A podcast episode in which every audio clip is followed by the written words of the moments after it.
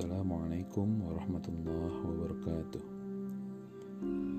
الحمد لله الحمد لله نحمده ونستعين ونستغفره ونعوذ بالله من شرور أنفسنا ومن سيئات أعمالنا. من يهدي الله فلا مضل له ومن يضلل فلا هادي له. أشهد أن لا إله إلا الله وأشهد أن محمدا عبده ورسوله. لا نبي بعده.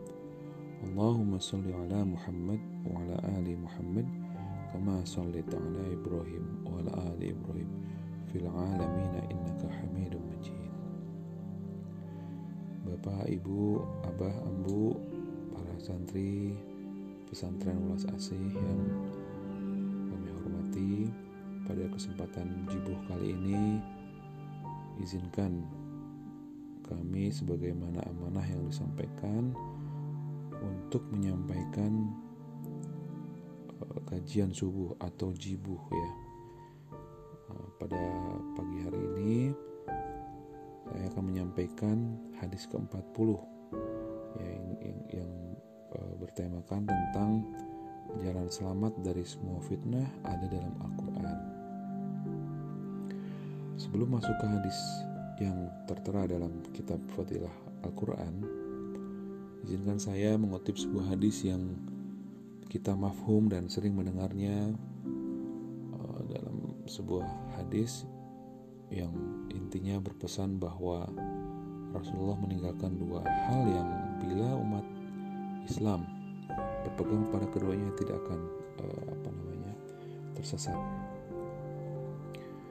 Uh, hadis tersebut berbunyi taraktu fikum amroini lan tadillu abadan kitab Allah wa sunnata Rasulillah.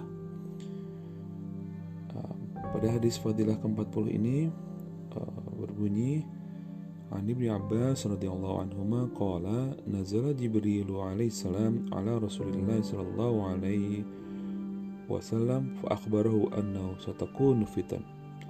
Qala famal makhraju minha ya Jibril? Qala kitabullah dari Sayyidina Ibnu Abbas radhiyallahu anhu ketika malaikat Jibril alaihissalam turun kepada Rasulullah sallallahu alaihi wasallam malaikat Jibril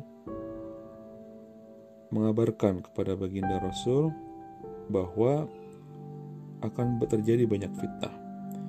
Beliau bertanya, "Apakah jalan keluar darinya wahai Jibril?" Malaikat Jibril menjawab, "Kitabullah." Hadis ini diriwayatkan oleh uh, Razin dari kitab Ar-Rahmatul Mudah. Nah, mengamalkan isi Al-Quran akan menjauhkan kita dari fitnah. Fitnah itu uh, apa namanya asal kata yang merupakan uh, suatu ujian ya, satu cobaan atau suatu permasalahan. Yang pada hadis ini diriwayatkan bahwa menurut para ulama yang dimaksud fitnah di sini adalah datangnya dajjal, bangsa Tartar dan lain-lain. Sayyidina, Sayyidina Ali radhiyallahu anhu meriwayatkan hadis seperti itu dengan panjang lebar dan menyampaikan bahwa Nabi Yahya alaihissalam berkata kepada Bani Israel, Allah Subhanahu wa taala telah memerintahkan kalian agar membaca kalamnya. Perumpamaannya seperti suatu kaum yang terlindung di dalam bentengnya dari arah mana pun musuh menyerang, mereka akan mendapatkan kalam Allah sebagai pelindung.